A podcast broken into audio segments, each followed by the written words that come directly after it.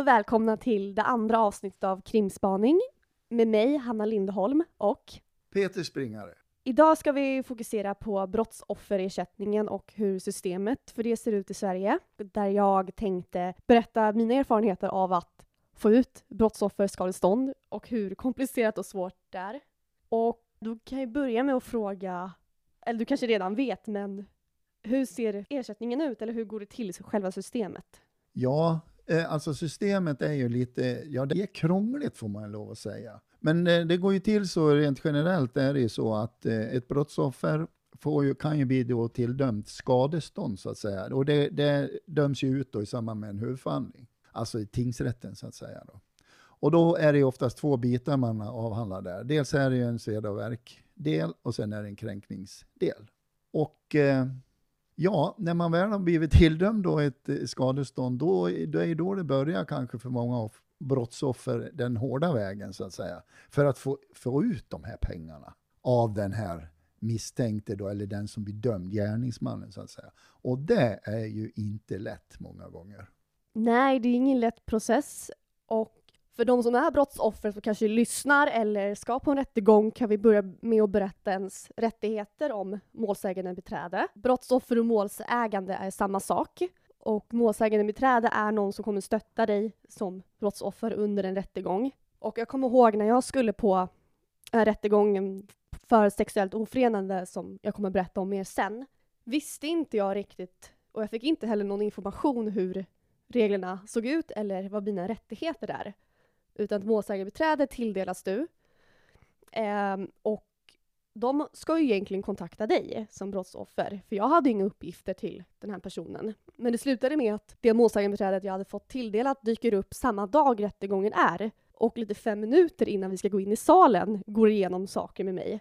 Och egentligen skulle ju den här personen ha kontaktat mig långt innan som stöd inför den här rättegången. Och det tycker jag är bra att veta att du har rätt att kräva ett målsägandebiträde och du har också rätt att de ska vara aktiva innan rättegången. Vilket inte var självklart för mig och antagligen då inte är självklart för andra heller, kan jag tänka mig. Exakt, det är precis som du säger. Så det, man ska inte behöva uppleva det där som, som brottsoffer, att man ska själv behöva ta kontakt med ett målsägande beträde. Men tyvärr är det ju så. Men jag får lov att säga att jag vet att det är så. Att det kan klicka så att säga. Och det har ju lite grann med att göra vem som blir förordnad som målsägandebiträde många gånger, hur pass engagerade de är. Men som sagt, det där måste de ju sköta så att säga. Va? Och jag kan säga att min erfarenhet, både nu när jag, jag är också nämndeman då, men framförallt när jag var utredare och sen man var närvarande vid eh, huvudförhandlingar och så.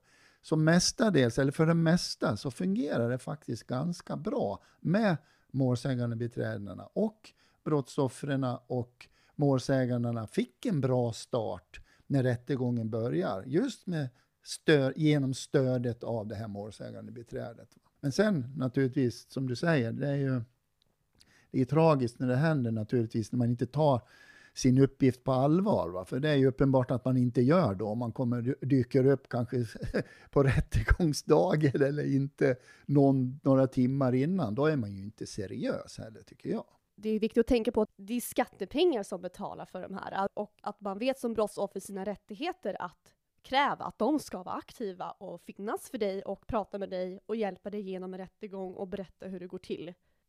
Jag kom att tänka på det i efterhand, att varför har inte hon kontaktat mig innan? Och andra regler jag inte visste om, det är att ditt målsägandebiträde har ingen skyldighet att hjälpa dig efter rättegången att få ditt skadestånd. De försvinner helt enkelt. Och mm. de flesta tror jag är snälla och hjälper till brottsoffer ändå. Men då kan man ju känna att man ligger lite till last eftersom det inte är egentligen deras uppdrag. Mm.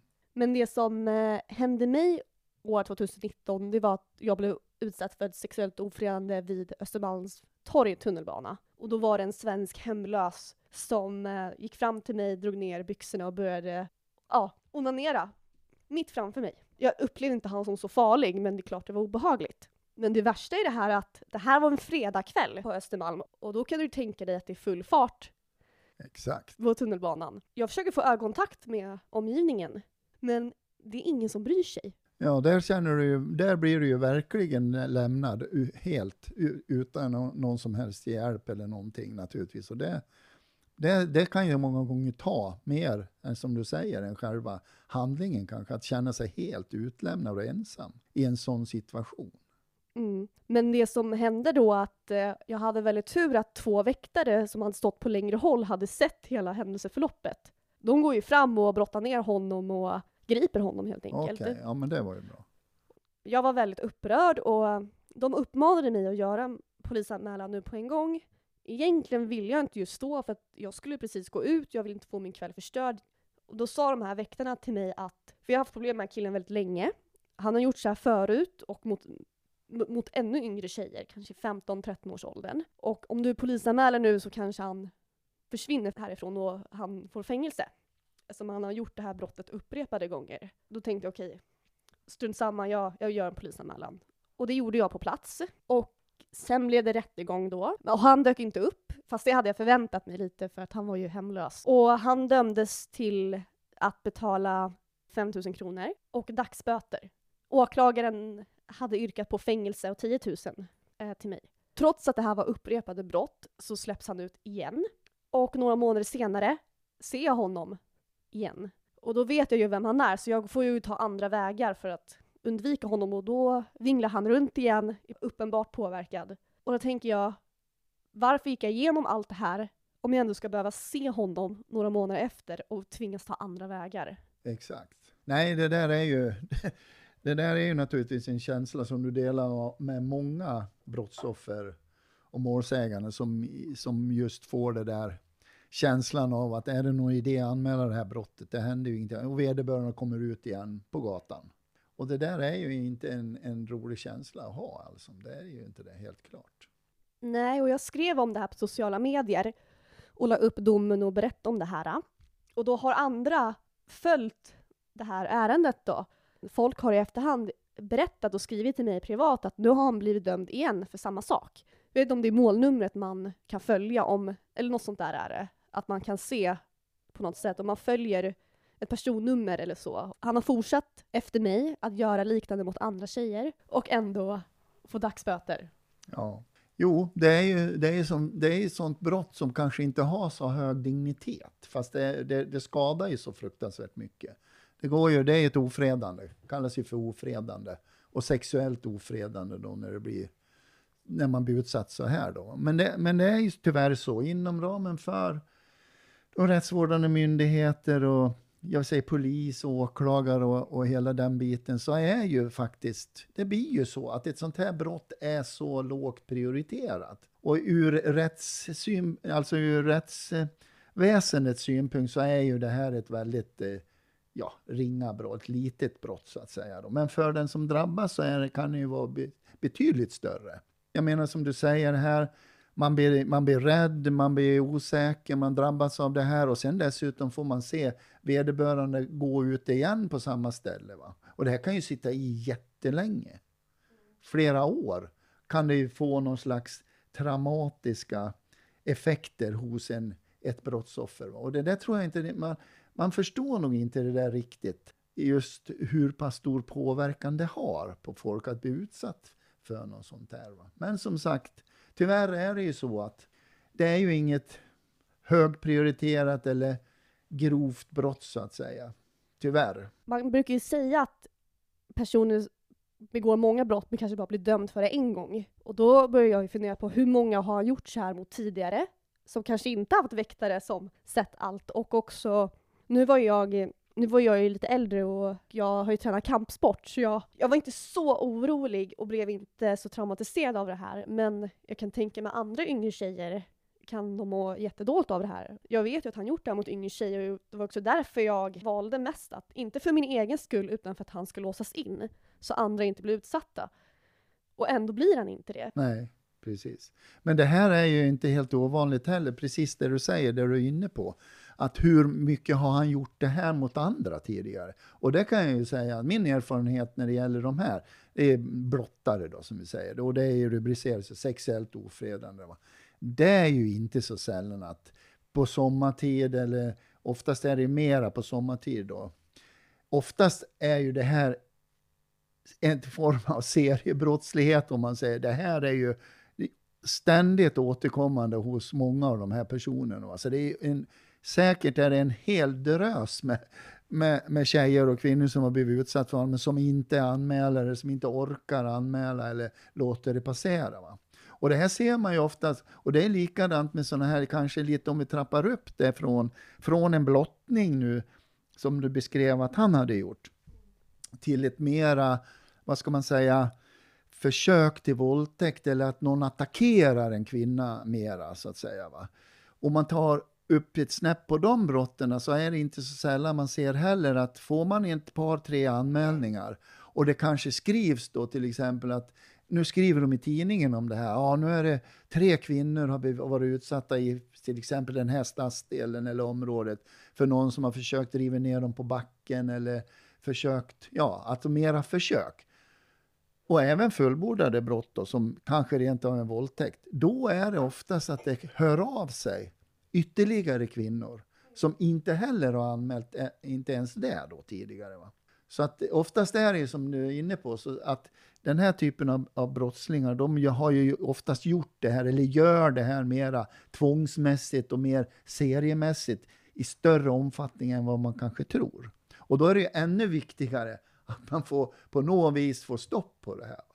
Ja, och det handlar inte om att han blottade och var flera meter ifrån mig, utan jag satt ju på en bänk och han kom en centimeter ifrån mig och drog ner byxorna. Så det var ju väldigt, väldigt nära inpå. Ja, naturligtvis. Då är det ju, då är det ju mera allvarligt så att säga, för då är han inne på din sfär så att säga, nästan in på dig. Han var ju väldigt aggressiv och brydde sig inte alls om att andra såg.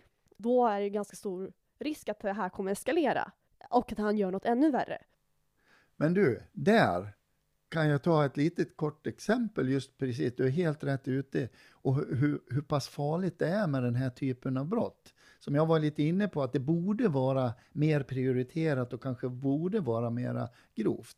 Jag hade ju då, du kanske hörde talas om den här Örebromannen, Niklas Eliasson. Det var hans namn figurerar ju i, i tidningen. Han, var till, han är ju frisläppt nu. Han blev ju dömd till 12 års fängelse för en massa seriebrott i Örebro. Jag hade det ärendet, jag var handläggare för det och jag var med i spaningsskedet också på det och jag var förhörsledare på honom. Och det rörde sig väl om, jag tror det var, nu har jag glömt något exakt antalet, men jag tror han stämdes på ungefär 24 försök till våldtäkt och våldtäkter och grov våldtäkt i Örebro.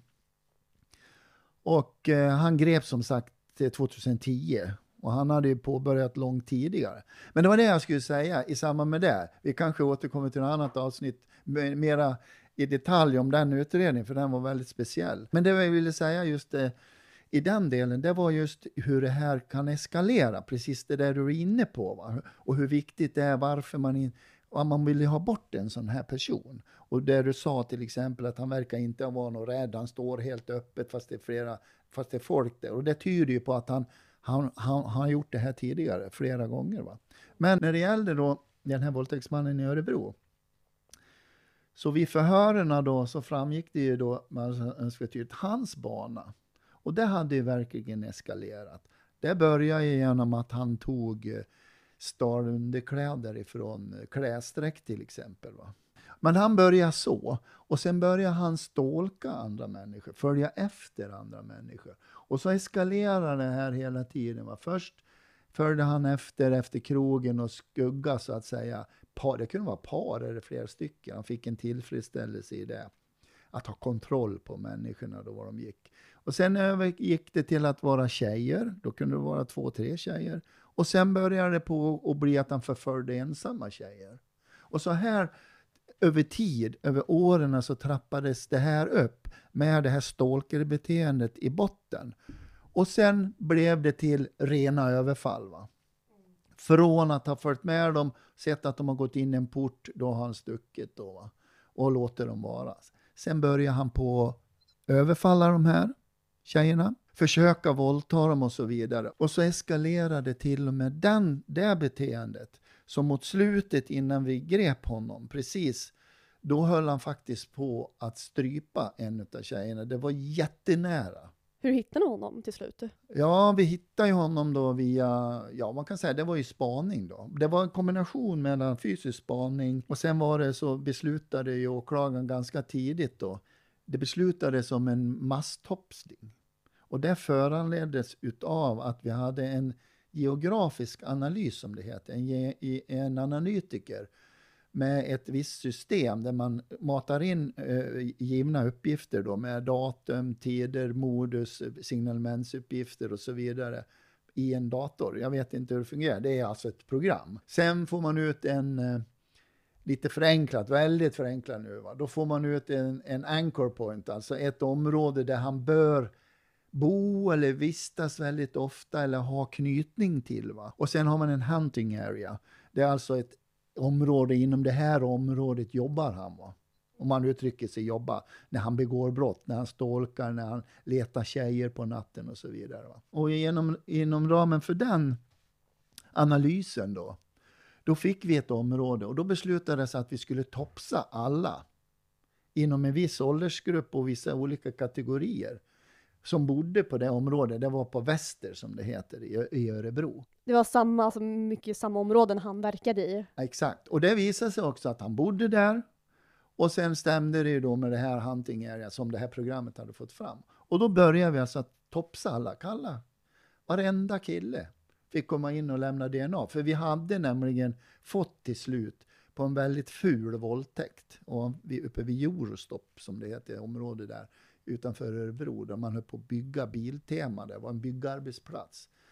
Där överföll han en tjej och, och våldtog henne väldigt fult i en och en halv timme. Och då i vart fall, vid det brottet hitta, fick vi äntligen, men brott innan så hade vi inte haft något DNA på honom. Eller på gärningsmannen. Men nu fick vi det. Och då fick vi bland annat blod och sen hade vi DNA på ett lepsyl som var nedtrampat i leran som han hade tappat. Där också hans DNA fanns. För jag gissar att han inte ville komma in och topsas? Nej, han gjorde ju inte det. Precis, och det var ju det som, det var ju flera som ringde återbud naturligtvis och sa, men det var ju legalt, de kanske, ja jag har bokat in en jobbintervju i Stockholm, där, ja men skit i det, då väntar vi väl en vecka då. Så gjorde vi upp en ny tid. Och jag menar, det kunde vara läkarbesök, de skulle in och göra något, kanske något ingrepp eller så. Så det var ju inget konstigt att man gjorde så. Men den här Jeppen, han blev ju också kallad då. Och han ringde, nej han ville inte komma. Nej. Och han ville inte vara, nej han hade svårt att bestämma en ny tid också. Och ena med det tredje.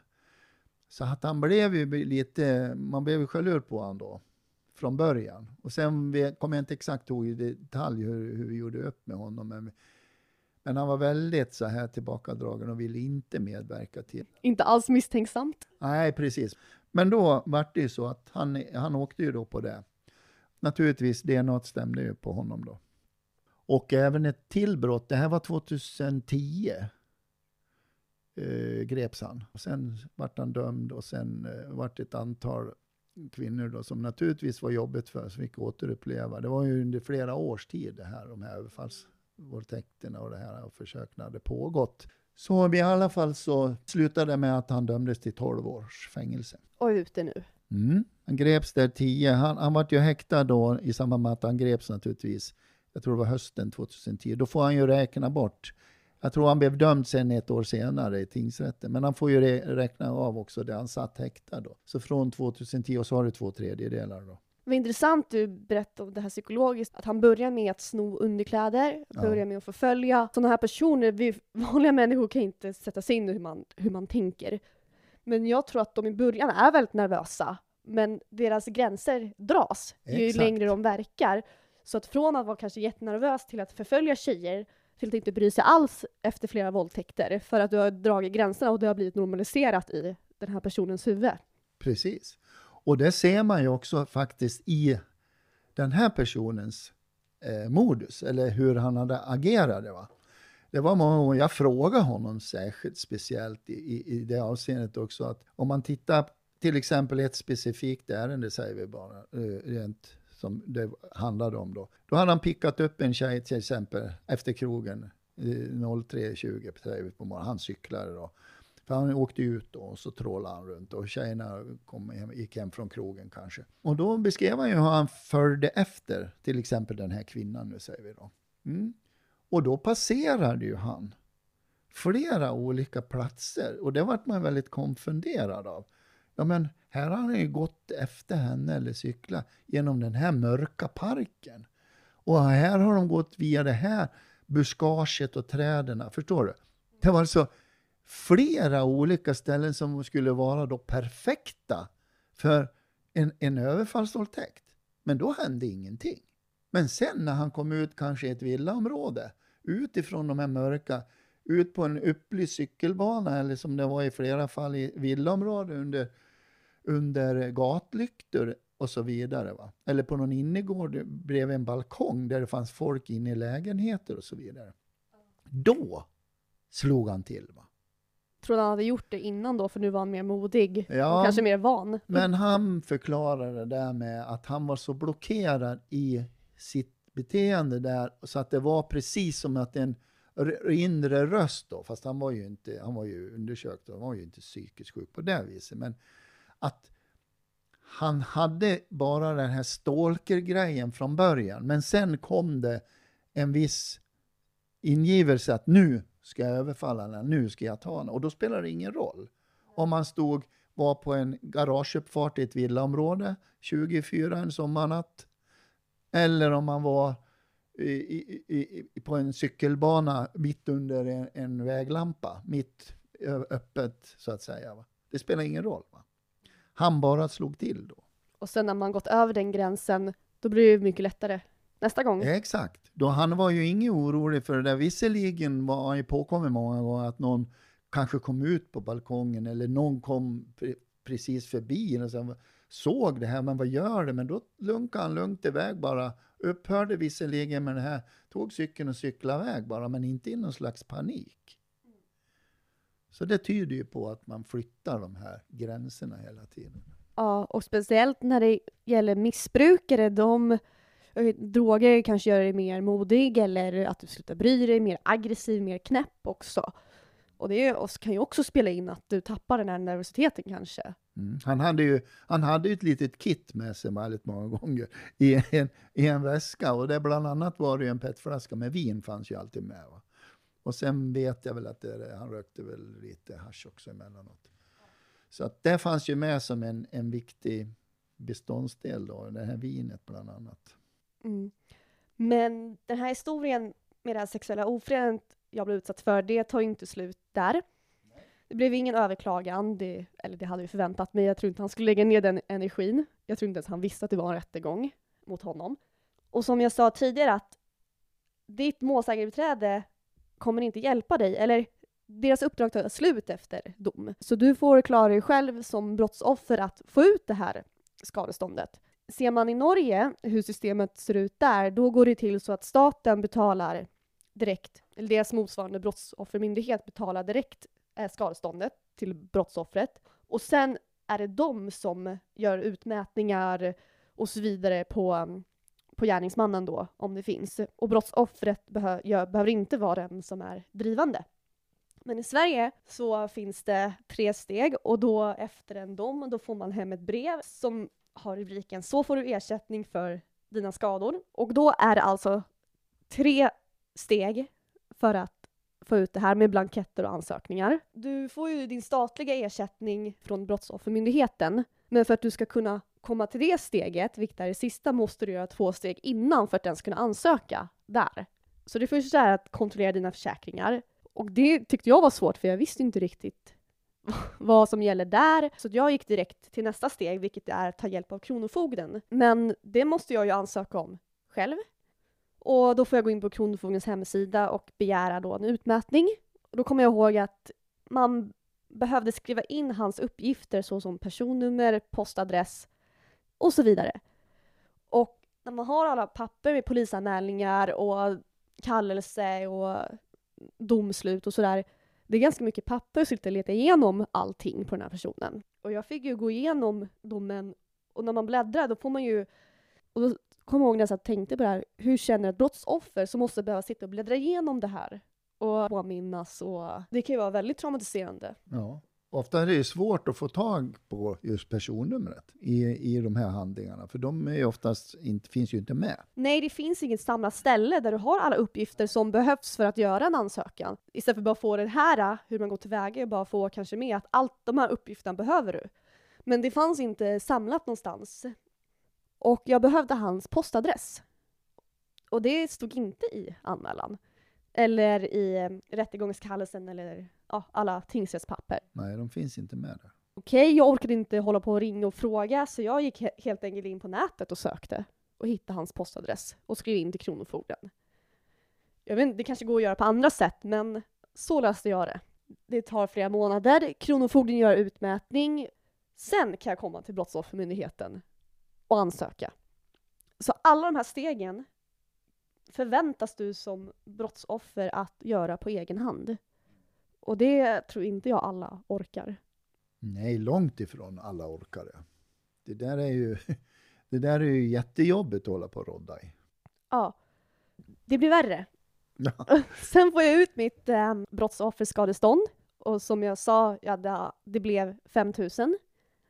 Men då får jag ett brev hem där det står att min fullständiga ersättning är 3 500 för att man gör ett grundavdrag på 1 500 av mitt skadestånd. Du hade lite mer koll på det här med grundavdrag. Det där är ju lite, knepigt faktiskt och det där tycker man ju inte skulle finnas överhuvudtaget. Då är det bättre att lägga på de som blir dömda i domstol, och lägga på de ytterligare pengar som täcker det här grundavdraget.